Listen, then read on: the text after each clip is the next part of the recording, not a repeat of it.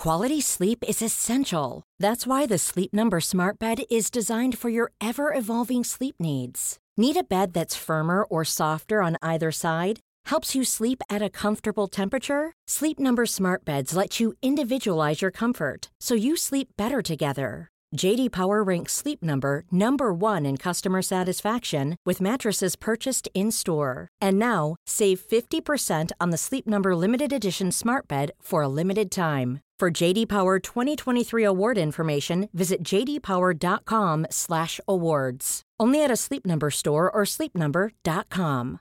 Hey, I'm Ryan Reynolds. At Mint Mobile, we like to do the opposite of what Big Wireless does. They charge you a lot, we charge you a little. So naturally, when they announced they'd be raising their prices due to inflation, we decided to deflate our prices due to not hating you. That's right. We're cutting the price of Mint Unlimited from $30 a month to just $15 a month. Give it a try at mintmobile.com slash switch. $45 upfront for three months plus taxes and fees. Promo rate for new customers for limited time. Unlimited more than 40 gigabytes per month. Slows. Full terms at mintmobile.com.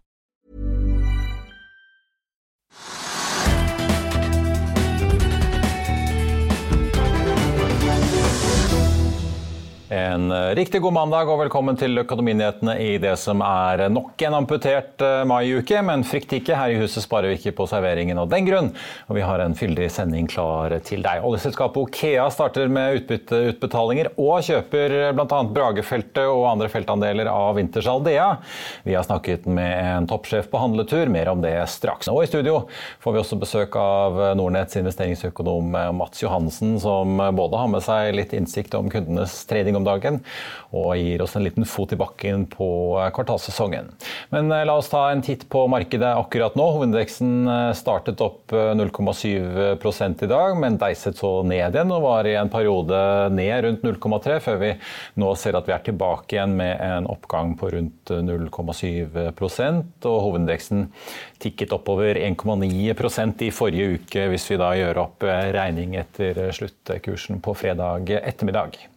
Og Med oppgangen eh, som vi ser i dag, så slår også Oslo Børs følge med resten av Europa, hvor det er grønt etter en litt blandet start i de asiatiske markedene i morges, og for så vidt også på Wall Street på fredag, der Nasdaq var eh, litt ned, mens de andre ikke-teknologiindeksene får vi si det sånn, var holdt seg så vidt i eh, pluss. I råvaremarkedet er nordsjøoljen nå opp Eh, litt over 2% til 113 dollar og 60 cent fatet eh, i spotmarkedet. Mens den amerikanske lettoljen ligger et par dollar under på drøye 111 dollar, opp 0,7 Og eh, Ser vi på futures-markedet, så peker det mot en oppgang i de amerikanske markedene når de åpner om en times tid. Blant de mest omsatte aksjene som trekker oppover i dag, er Kahoot. Folketrygdfondet har jo økt inn sin eksponering i selskapet i forrige uke.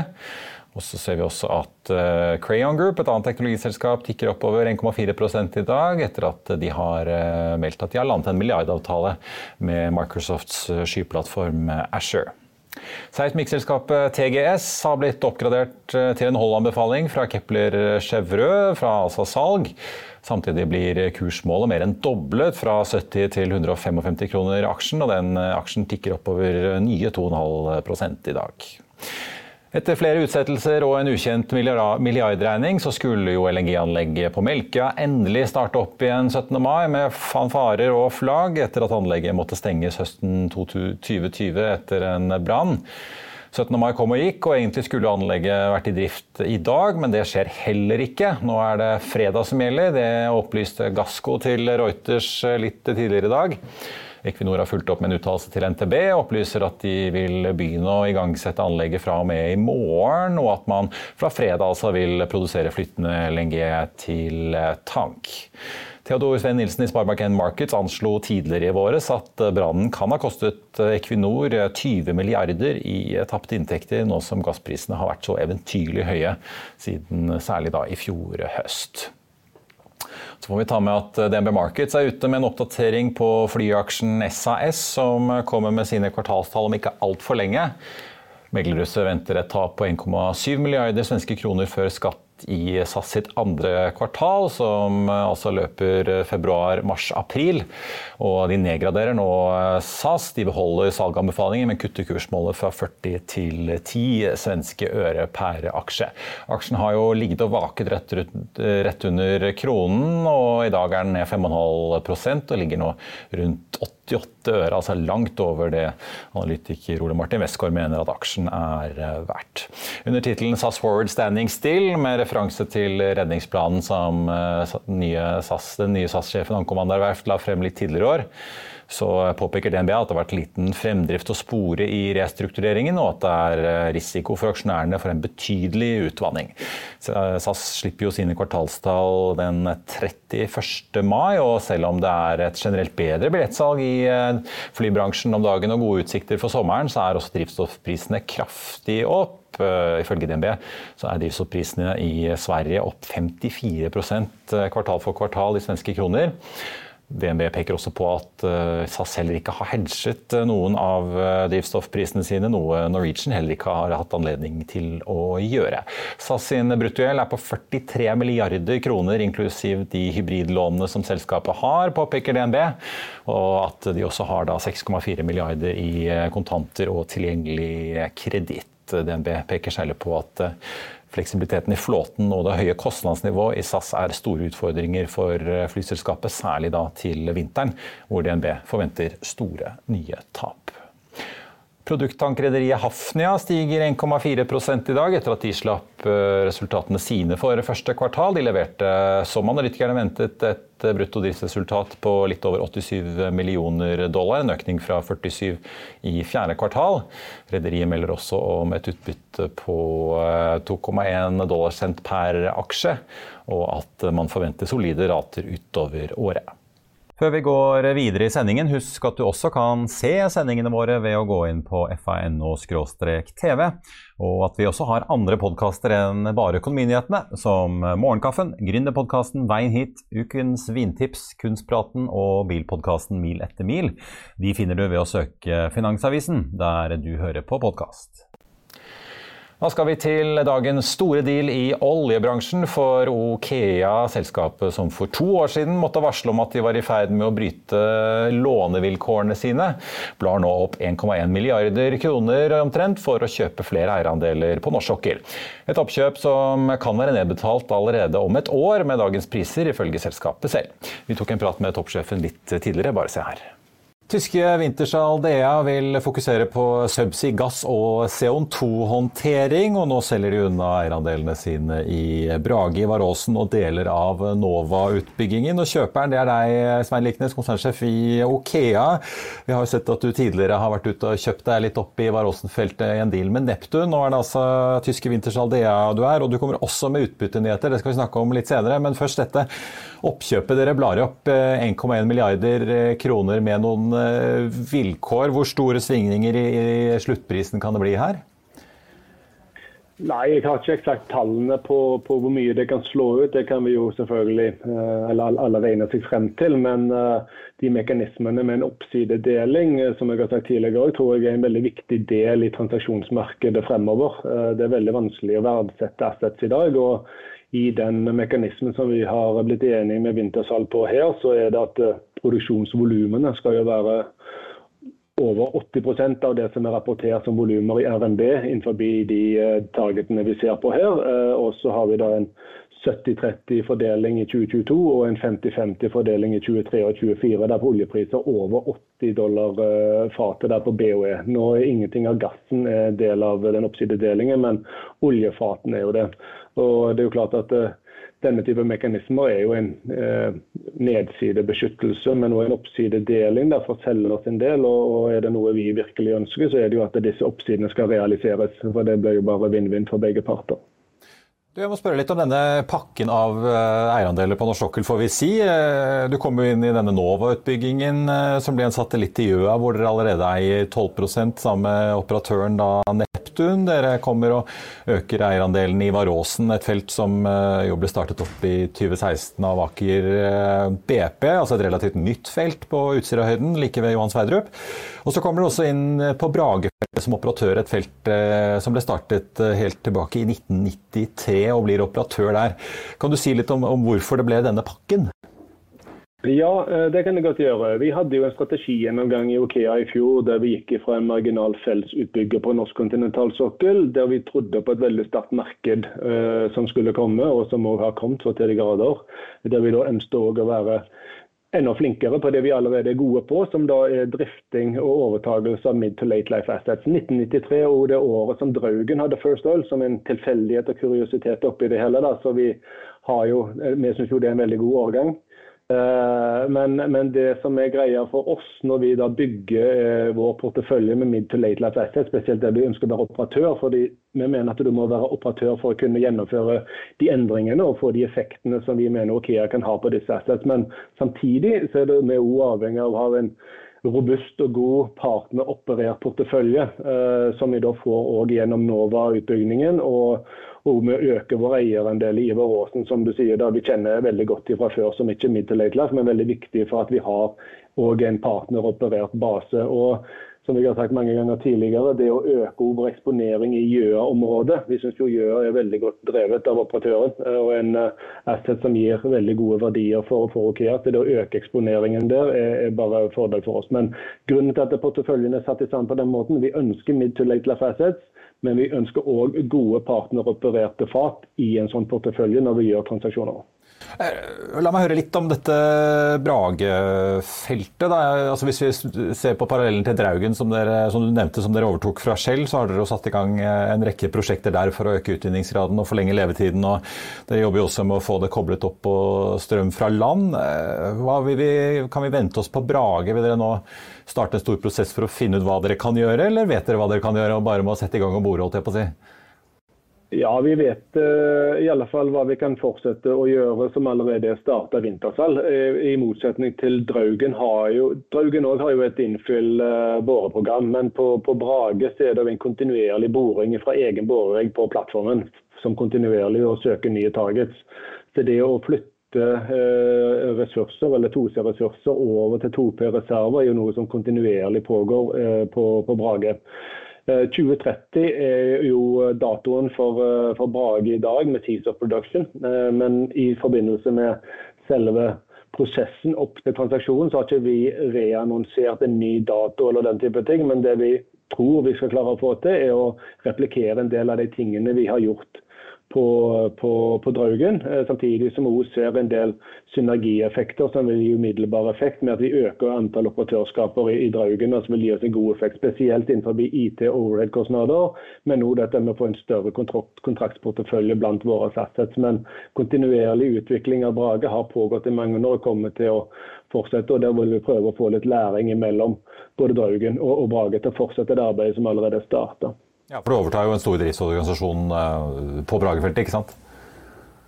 Det, det, gjør vi. Eh, vi overtar eh, hele driftsorganisasjonen fra Vintersal. Og det er et veldig viktig budskap i dag òg å ta med oss den kompetente organisasjonen som, som kom med Brage. Det samme gjorde jo i, med, med Shell-transaksjonen. De som har realisert og skapt de verdiene vi nå ser som er lagt på Draugen etter OK overtok, er jo de samme menneskene som har fått lov til å gjøre ting på en litt annerledes måte. og På samme måte så ønsker vi å ivareta og ta med oss den kompetente Brage-organisasjonen inn, inn, i OKEA, sånn at de jo får bruke sin kunnskap til å kunne realisere de verdiene vi ser der. Så det er en del av transaksjonen, ja.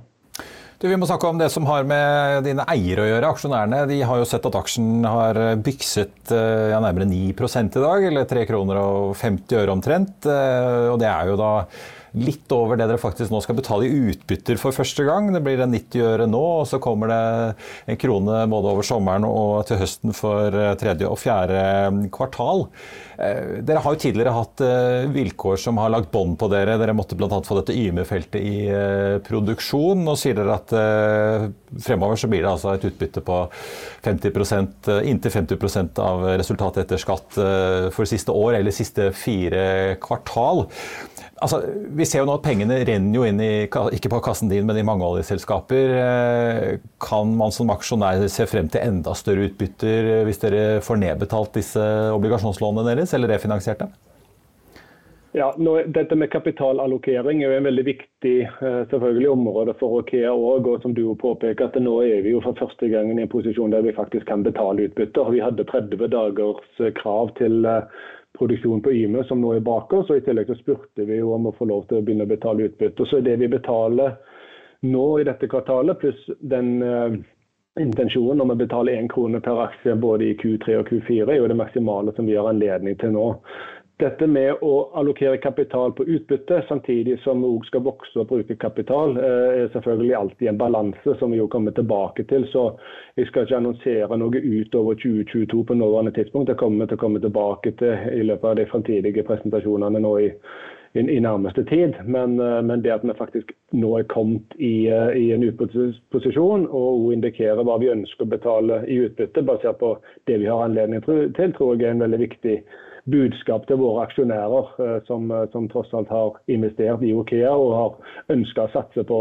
på, på, Okea, og nå endelig kan begynne å høste frukter av det som Okea har fått til. Jeg skjønner du ikke forskuttere utbyttene for eventuelt eventuelt 2023, men, men, kan vi ikke se litt på balansen din? Altså, dere meldte jo i første kvartal det smått utrolig at dere satt med mer kontanter i banken enn det dere hadde i lån.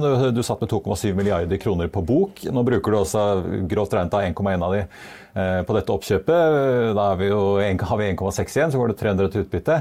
Da har du fortsatt rikelig med penger. Er det sånn at dere ønsker å, å kjøpe tilbake mest mulig gjeld og få lån med lavere rente nå som det er såpass gode tider og pengene strømmer inn i det tempoet det gjør? Ja, Det som er hovedsakelig fokuset på, på vår agenda nå, er jo en vekst strategi. Eh, og Der skal vi trekke fra den kapitalen. Men det er jo klart at en framtidig transaksjon utover den vi har gjort nå, eh, både som kanskje er større eh, og andre ting, vil jo òg påvirke kapitalallokeringsprinsippene våre potensielt. og Da kan vi gjøre noe både med gjeldssiden og, og den type ting. Men, men, det er klart at vi er jo i en veldig god posisjon sammen med andre oljeselskaper til det med å bli sett på som en veldig attraktiv selskap som gir tilbake til sine aksjonærer, er veldig viktig for oss. Men det som er øverst på vår agenda nå, er å, å sikre oss at vi klarer oss å få den skalerbarheten og vokse selskapet eh, når vi da skal prøve å prioritere. Men det med utbytter er selvfølgelig viktig. Men tilbake til strategipresentasjonen vår i 28.10 i fjor, når vi annonserte den, var jo basert på tre, tre pilarer. og Det var jo vekst og Det leverer vi jo på nå i forbindelse med denne transaksjonen. I tillegg så skal det være verdiskapende vekst, og det leverer vi jo på, mener vi, når vi ser på tallene i denne eh, transaksjonen. Og Den siste pilaren, som fremdeles er veldig viktig for oss, er jo dette med å vise kapitaldisiplin mens vi gjør det. Det å få tak i fat i dag og kjøpe seg fat kan du selvfølgelig gjøre, men det å fokusere på at det skal være verdiskaping, og vi ønsker primært i Okea å gå inn i assets og gjøre transaksjoner der vi ser at Okea klarer å løfte verdiskapingen og drive ytterligere verdi i forhold til det som ligger i case i dag. da. Men ja, kort til slutt, altså, Vi snakket jo i høst om, eh, om dette med kapitaldisiplin da dere la Vette og Grevling-prosjektet i skuffen rett og slett fordi lønnsomheten var for lav. Eh, hvor vanskelig er det å finne attraktive prospekter og eventuelt da kjøpe opp utover det du nå har kjøpt fra Wintershall for å kunne vokse ytterligere? Nei, jeg tror at det fremdeles er muligheter å gjøre transaksjoner eh, tilsvarende den som vi har gjort nå på norsk kontinentalsokkel. Eh, vi har flere selskaper og flere aktører på norsk kontinentalsokkel som har lansert nye, oppdaterte strategier, og, og fremdeles ønsker å levere på, på, de strategiene. og Da kan det òg være assets som ikke nødvendigvis inngår i kjerneporteføljen til disse selskapene. Det som er litt utfordringen i dagens marked, er jo både for selger og kjøper, er jo verdsettelse av disse assetene. og Derfor tror jeg at i fremtidige transaksjoner så vil vi se tilsvarende det som vi har i denne transaksjonen, der du har en oppsidedeling samtidig som du har en nedsidebeskyttelse. Sånn at både oppsiden og nedsiden er balansert da, med tanke på fremtidige og veldig volatile oljepriser og gasspriser da, eh, i, i, transaksjonene. Så jeg tror fremdeles vi vil se et marked som eh, absolutt er oppe og går når det gjelder transaksjoner, men at du vil se den type mekanismer. Får vi si lykke til i jakten videre. Svein Liknes, konsernsjef i OK, takk for at du var med. Hey, I'm Ryan Reynolds. Recently, I asked Mint Mobile's legal team if big wireless companies are allowed to raise prices due to inflation. They said yes. And then when I asked if raising prices technically violates those onerous two-year contracts, they said, "What the f*** are you talking about? You insane Hollywood ass."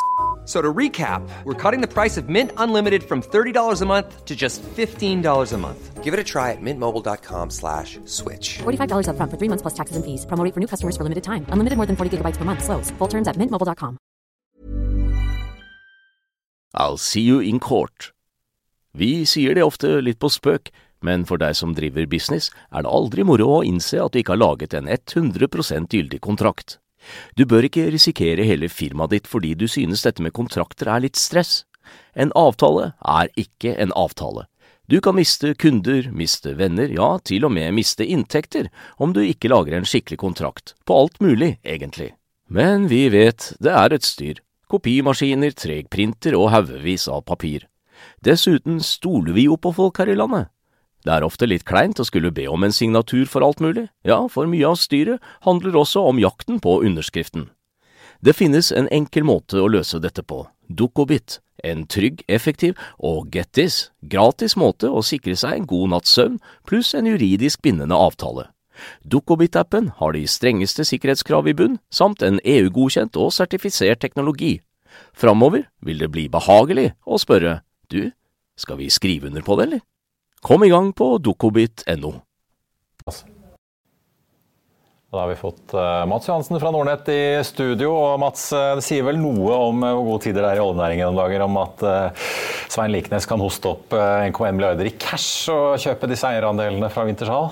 Ja, det er kjempegode tider. Vi har jo hatt oljepriser på langt over 100 dollar nå ganske lenge. Og man ser jo også at det begynner å vordre for gode investeringer. Det har jo kommet hva er det, rundt 340 milliarder i nye oljeinvesteringer som søknad til staten år. Så det vordrer jo for veldig veldig god cashflow blant oljeprodusentene. Og ikke minst så kan det begynne å dryppe litt også på oljeserviceaktørene. Det er jo det som blir spennende, og det har man kanskje sett litt på børsen også, med flere av disse litt mindre selskapene som har gått eh, veggimellom i påvente da, om nye investeringer. Ja, for det er jo nesten nesten litt sånn surrealistisk å se. Vi har jo sett noen sånne kjente investorer som Åsult Tveitereid og en del av de som har satset på noen av de mest kjente serviceselskapene. Men vi har jo noen av disse supply-rederiene som har slitt med blytung gjeld og dårlig inntjening i årevis, som Doff og Solstad. Og nå er de opp mange hundre prosent eh, så langt i år. Mm, Eller, ja. er, er kundene deres Lar de seg, lar de seg bite av basillen? Ja, det er jo klart. Du, du, ser jo når aksjer begynner å gå og det begynner å bli bevegelse og oppmerksomhet, så, så hiver jo veldig mange seg på. Og så er det jo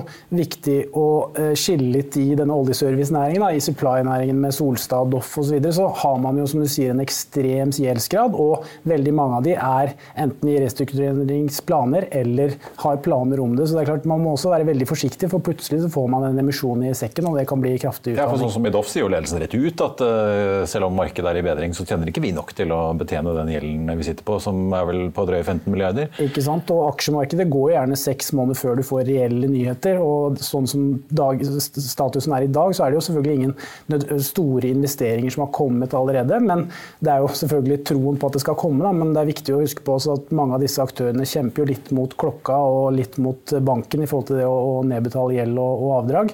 Så man må være litt måteholden også. Så hvis man skal handle i disse aksjene, så må man eh, være veldig lett på labben, eller eventuelt finne de aktørene som da eh, har en bedre finansiell balanse og ikke sliter da med covenants og lånebetingelser. Ja, for Vi hadde jo besøk av Morten Astrup her eh, for ikke så veldig lenge siden. Han sitter jo med én fot i Subsea Seven, som har ganske lite gjeld, og en annen i Borr, som har masse gjeld. Mm. Eh, men vi ser også det i seismikk, eh, f.eks. Eh, en liten bokstav forskjell på TGS og PGS. Ganske forskjellig balanse. Det er det også. Og TGS har jo vært et veldig bra selskap. De har jo hatt lite finansiell giring i forhold til at de eier jo ingen båter selv, mens PGS eier jo alle sine båter selv. Og hvis markedet blir bra, så blir det jo selvfølgelig superbra for PGS som eier sine egne båter, men sånn i snitt så har det jo lønt seg for TGS å kun kunne leie inn båter da, i gode tider. Og det er jo kanskje de typene Du nevnte Subsea bl.a. Det er en aksje jeg selv eier, da, bare for å disklere med det. Eh, men det er jo type TGS og Subsea som på en måte er litt mer trygge bet, som da er tilnærmet gjeldfri og har kanskje en en fot i begge leirer, både litt fornybart og litt uh, oljeservice. Og det, det, kan jo være et, et safere bet i således da, enn nødvendigvis disse Borr og, og Seadrill og disse litt mer høygirede. Hvor det er litt morsommere når det går bra. Ja, for apropos, altså, det er jo ikke så lenge siden PGS hentet fikk gjennomført en emisjon på 800 millioner kroner og skulle låne 50 millioner dollar til på toppen av det hele. Men de snakker jo fort om at det bare skal få dem frem til høsten. Ja, det er, det er som jeg sa tidligere, at det er kampen mot klokka. Og det er store investeringer. Det har vært syv-åtte år med underinvesteringer og låneforfall, for å si det på den måten. Så det er klart at markedet må bli bedre for at flere av disse aktørene skal rett og slett kunne tjene penger igjen. da. Hvor stor, altså, hvor stor, er eh, Da kan man alltid spekulere i om toppen er nådd eh, for en del av disse, eller for den sektoren, da, når vi tross alt vet at oljeprisen er godt over 100 og har ligget der en stund. Eh, hvordan ser appetitten ut hos kundene deres? Er det liksom fortsatt sånn at de driver og netto kjøper oljeservice og oljeaksjer og energiaksjer? Ja, i hvert fall oljeprodusenter, altså Equinor, Aker BP, Panoro etc. Det har vært stor appetitt nå egentlig over et år. Og så begynner man å se innslag av Subsea, TG PGS, PGS også, men det er jo gjerne litt mer for de mer aktive traderne også, for der er det store intradagbevegelser på de mest girede aksjene, Bor, PGS, Sidril osv. Eh, men man ser jo nå at det har jo skiftet fra typisk i 2020 og delvis 2021 fra teknologi og fornybare aksjer til mer trause, kall det oljeserviceaksjer, som kanskje har blitt våknet av full føniks. da. Ja, jeg hentet ut listen her over aksjene som har gått og tapt mest siden nyttår vinnerlisten i hvert fall på hovedindeksen så langt. Golden Ocean og TGS opp eh, på 80-tallet prosent begge to. Eh, PGS 54, DNO oljeselskapet 52% Subsea 7 nesten 60 mm. Men vi har jo også Equinor da 44, men vi har også en liten joker i en bransje som også går veldig bra om dagen, nemlig Grieg Seafood. Opp 75% siden nyttår.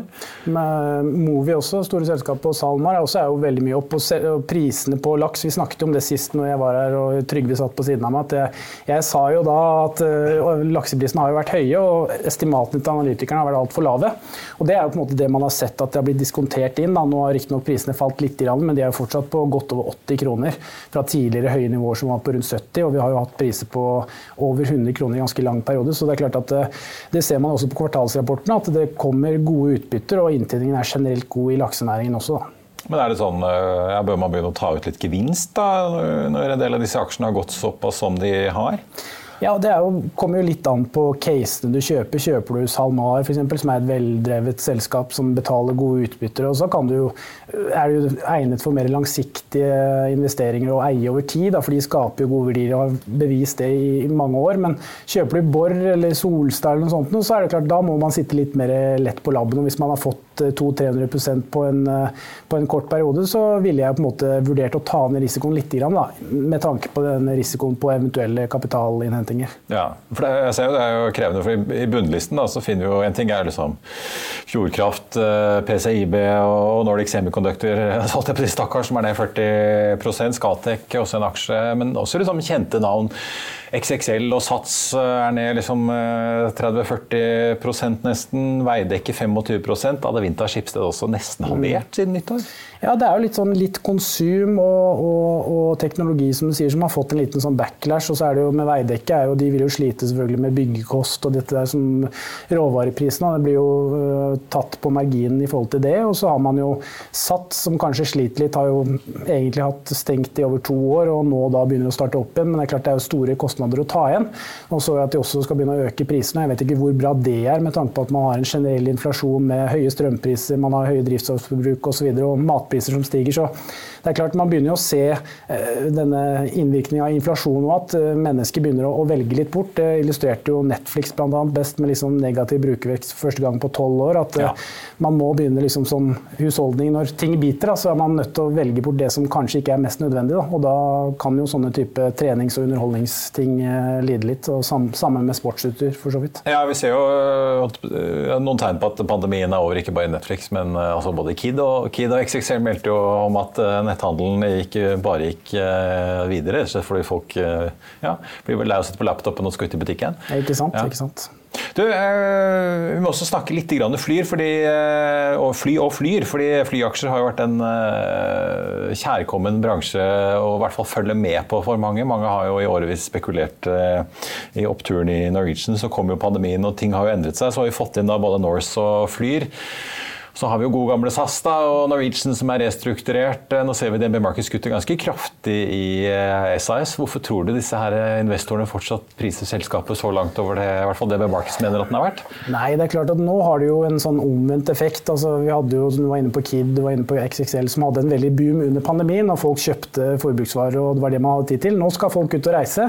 og Det er jo selvfølgelig et håp om uh, større inntjening blant flyselskapene. Men det man kanskje må se litt på, er jo denne store store gjeldsforpliktelser som også disse selskapene har. Da. SAS har jo masse gjeld, som du nevnte i innledningen, og klart ganske dyre operasjonskostnader og må hente penger på et eller annet tidspunkt. De kuttet jo bl.a. flere flyreiser også, så jeg i løpet av sommeren nå. Så det er klart, det skjer mye der. Ja, for det er ikke noe tvil om at i SAS må det skje noe? Ja, det må jo det. Eh, på et eller annet tidspunkt. Og det er klart, det er jo ikke noe mindre konkurranse heller. Det er jo litt paradoks det der med at vi har kommet ut fra pandemien med flere flyselskaper enn vi gikk inn i. Og det er klart, det heller gjør ikke sitt til at prisene eventuelt og marginene til disse flyselskapene blir bedre. da. Og eh, som hentet en kvart milliard for andre gang eh, i år. Nå peker jo ledelsen riktignok på at denne emisjonen i januar var planlagt og annonsert eh, ja, altså midt på høsten omtrent. Som følge av ja, det var vel delta-utbruddet, og så kom denne her for å ta inn uh, omikron. Mm. Tror du det er noe fare for at det kommer mer emisjoner der? Det er jo et relativt ferskt uh, selskap fortsatt? Ja, jeg så de kom jo med trafikktallet her forleden at det var vel nesten 50% oppgang i antall passasjerer fra mars måned. Da, som selvfølgelig blir naturlig med tanke på at man har blitt friere etter pandemien og restriksjonene. Men det er klart, uh, det har gått kort tid mellom hver emisjon nå. og Emisjonen ble jo satt 40% under tidligere sluttkurs. så Det er klart det var jo kanskje ikke nødvendigvis lett å finne Eh, finne nok investorer heller. Så det, ja, for Jan Petter Schister var jo ganske, han er jo Flyr-aksjonær, var ganske hissig uttalt i media. De hentet jo første gang på 95 øre, nå 1 krone og 20. Ja. Nå ligger aksjen på en, sånn 1,16 omtrent. Ja, og flere, flere blant Dornesen-kunder også er aksjonærer. og Det er klart det er jo ikke noe særlig å få en sånn utvanning eh, fra en dag til en annen. så det er jo ja, det er vanskelig å si i forhold til Jeg kjenner jo ikke inngående hva som har blitt eh, gjort på styrerommet osv. Men det er klart at de hadde jo åpenbart et veldig behov for penger, og det kunne man også se i tallene deres. Eh, så er jo spørsmålet om de burde hentet mer i januar, da, enn eh, med tanke på at du da må fylle på hele tiden. og og, og slikt. Men, eh, men, ja, vi får se hvordan det går videre. Men det er jo veldig avgjørende hva som skjer i sommer, om folk begynner å, å fly igjen, og om at man får marginer, ikke minst, og, og oppriktig fyllingsgrad på flyene osv. Da slipper jo Flyer sine tall på onsdag om to dager. Vi får besøk av flysjefen her i studio. Men eh, jeg la jo merke til at Norwegian-sjefen Geir Karlsen, da de la frem tall her eh, på fredag som var, at billettprisene er godt på vei oppover. Så han mente i hvert fall at det var noe betalings betalingsvillighet for å dekke inn drivstoffprisene. Men de skrev jo i guidingen at eh, økte drivstoffpriser vil eh, på en måte bremse den oppturen som eh, har ligget i kortene likevel? Ja, det er jo det som også er litt av problemet. at jo, Et fly er jo dyrt i, i, utgangspunktet å operere, og så får du den økte drivstoffprisen i tillegg. Og så har man jo hatt kanskje for billige flybilletter i for lang tid nå, da, når man kunne dra holdt på å si, tur-retur New York for 600 kroner. Så, eller shoppingtur til New York, ja. ja. Ikke sant? Så blir det, det er klart, det er jo ikke profittmaksimerende, for å bruke det uttrykket. Eh, så mm, at prisene skal opp, tror jeg bare er sunt egentlig for å få en litt bedre marginbusiness i, i flybransjen. Eh, helt til slutt, Nå er vi jo på tampen av resultatsesongen. Er det noen store ting du eh, går og venter på som vi ikke har fått fasiten på? Nei, det blir jo egentlig bare å summe det opp. Da. Det har jo vært et helt OK kvartal. Jeg vil jo si Råvareselskapene og til dels DNB og litt de større bankene har gjort det bra. Eh, og det er jo i sum med inflasjonen som har steget og høye råvarepriser og økte renter. Ellers så har jo de mindre teknologiselskapene fått kraftige smeller egentlig på, selv om tallene har vært på linje med, med guiding osv., så, videre, så har man på en måte fått en ordentlig smekk. Da. Så man ser egentlig bare en, en, fortsettelse på det man har sett nå i de siste åra. At det har vært veldig favør med råvarer og sykliske aksjer, og så har disse teknologiaksjene egentlig bare falt kraftig. Eh, så, så, det er vel egentlig det jeg vil merke meg som, sånn, sånn, sånn oppsummering av resultatsesongen. Ser du noe tegn til at flere er på bunnfisk enn det vi har sett Folketrygdfondet f.eks. gjøre i Kahoot? Ja, altså det begynner jo å bli Jeg ser at det er en del som eh, begynner å kikke litt på teknologi osv. Og, så og så er det jo aldri lett å vite hva som er bunnen. Men, like, ja. Eh, men, det er klart at det er jo, du får jo en del av de større ESG- og teknologiselskapene på 70-80% lavere kurs enn hva du fikk for et år siden. Så det er klart da begynner det å kanskje bli interessant for enkelte av dem. Og så må man finne de selskapene som, som har bra balanse og slipper å hente penger innen, innen kort tid. Da, for det, det, tror jeg kan være vanskelig i dagens marked. Ja, og For de som uh, syns fly er kjedelig og heller vil uh, følge med på ESG, så kommer Horisont Energi med sine tall på onsdag. For de som er interessert. Mats Johansen i Nordnett, takk skal du ha for at du kom til oss. Takk. Vi skal ha dagens aksjetips, for hva er lakseoppdrett på land egentlig verdt? Mer om det og noen store amerikanske tech-aksjer blir det om i dagens aksjetips. Det kommer til å bli et blodbad, og mange vil bli rammet, sier analytiker i Saxo Bank. Men det vil også være vinnere. Det er mandag, og dette er noen av dagens anbefalinger fra meglerhusene. Børsene har falt tungt siden nyttår, og sjefstrategene i Invesco mener at det er gode inngangspunkter å spore i aksjemarkedene nå. Det er lite rasjonalitet og veldig mye følelser i de salgene vi ser nå. Det gjør at det har oppstått mange kjøpsmuligheter, sier Invescos globale sjefstrateg Christina Hooper. Peter Gannery, aksjestrateg i Saxo Bank, anbefaler også å se etter langsiktige vinnere. Det kommer til å bli et blodbad, og mange vil bli rammet, men det vil også være vinnere. Microsoft, Amazon, Qualcomm, Intel og AMD fikk store slag under dotcom-boblen, men de har likevel blitt eh, vinnere, sier Garnery.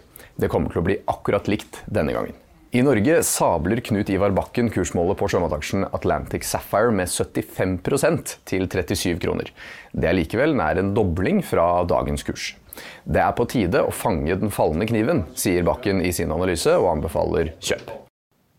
Som eh, annonsert 4. mai så bytter jo eiendomsselskapet Erat Property Group navn til Recreate, og i dag kom det en børsmelding om at eh, de fra 25. mai formelt da bytter tikker fra R8P til RCE. R-selskapet meldte i starten av mai om sitt beste kvartalsresultat noensinne på 146 millioner, og at de jobber videre mot målet om en eiendomsportefølje på 5 milliarder kroner. På Oslo Børs eh, nå så hovedindeksen opp 0,7% med en oljepris eh, som ligger på 113 dollar eh, fatet i spotmarkedet for et fat nordsjøolje, med den amerikanske lettoljen bak på 110,7. På listen over de mest omsatte aksjene så tikker Equinor og Vår Energi inn de to topplasseringene med en oppgang på 0,5 og 2,6% etterfulgt av Hydro og Aker BP, som begge er opp rundt 2,5 de også. Deretter har vi Golden Ocean og MPC Container, som er ned 4 og 2% Og den store taperen i dag, Eidsvik Offshore, ned 16% etterfulgt av Solstad Offshore ned 13% Vinneren er OTS og Nortel. De er opp 50,8 og 15% henholdsvis. Og så får vi ta med at eh, Okea, som altså slapp nyheten om det store oppkjøpet av Bragefelt og andre eiendeler fra Wintershall 1,1 milliarder, er opp 11,75% en oppgang på 4 kroner og 60. De har jo varslet et utbytte på 90 øre nå for, uh, i andre kvartal, og deretter en krone i både tredje og fjerde kvartal altså 2 kroner og 90, så aksjen stiger enda mer enn det. I Finansavisen i morgen skriver Trygve Hegnar om Siv Jensen og arven etter banksjef Tor Bang. Det blir mer om koronatrøbbel for noen dronegründere. Du kan også lese mer om kampen om småhusplanen her i Oslo. Og du kan også få med deg at Pareto nå spår kursfest i Ørn Software. Det var det vi hadde for deg på denne mandag 23. mai, i nok en kort maiuke. Vi er tilbake i morgen klokken 14.30. I mellomtiden får du som alltid siste nytt på fa.no. Takk for at du så eller hørte på, og så håper jeg vi ses igjen i morgen.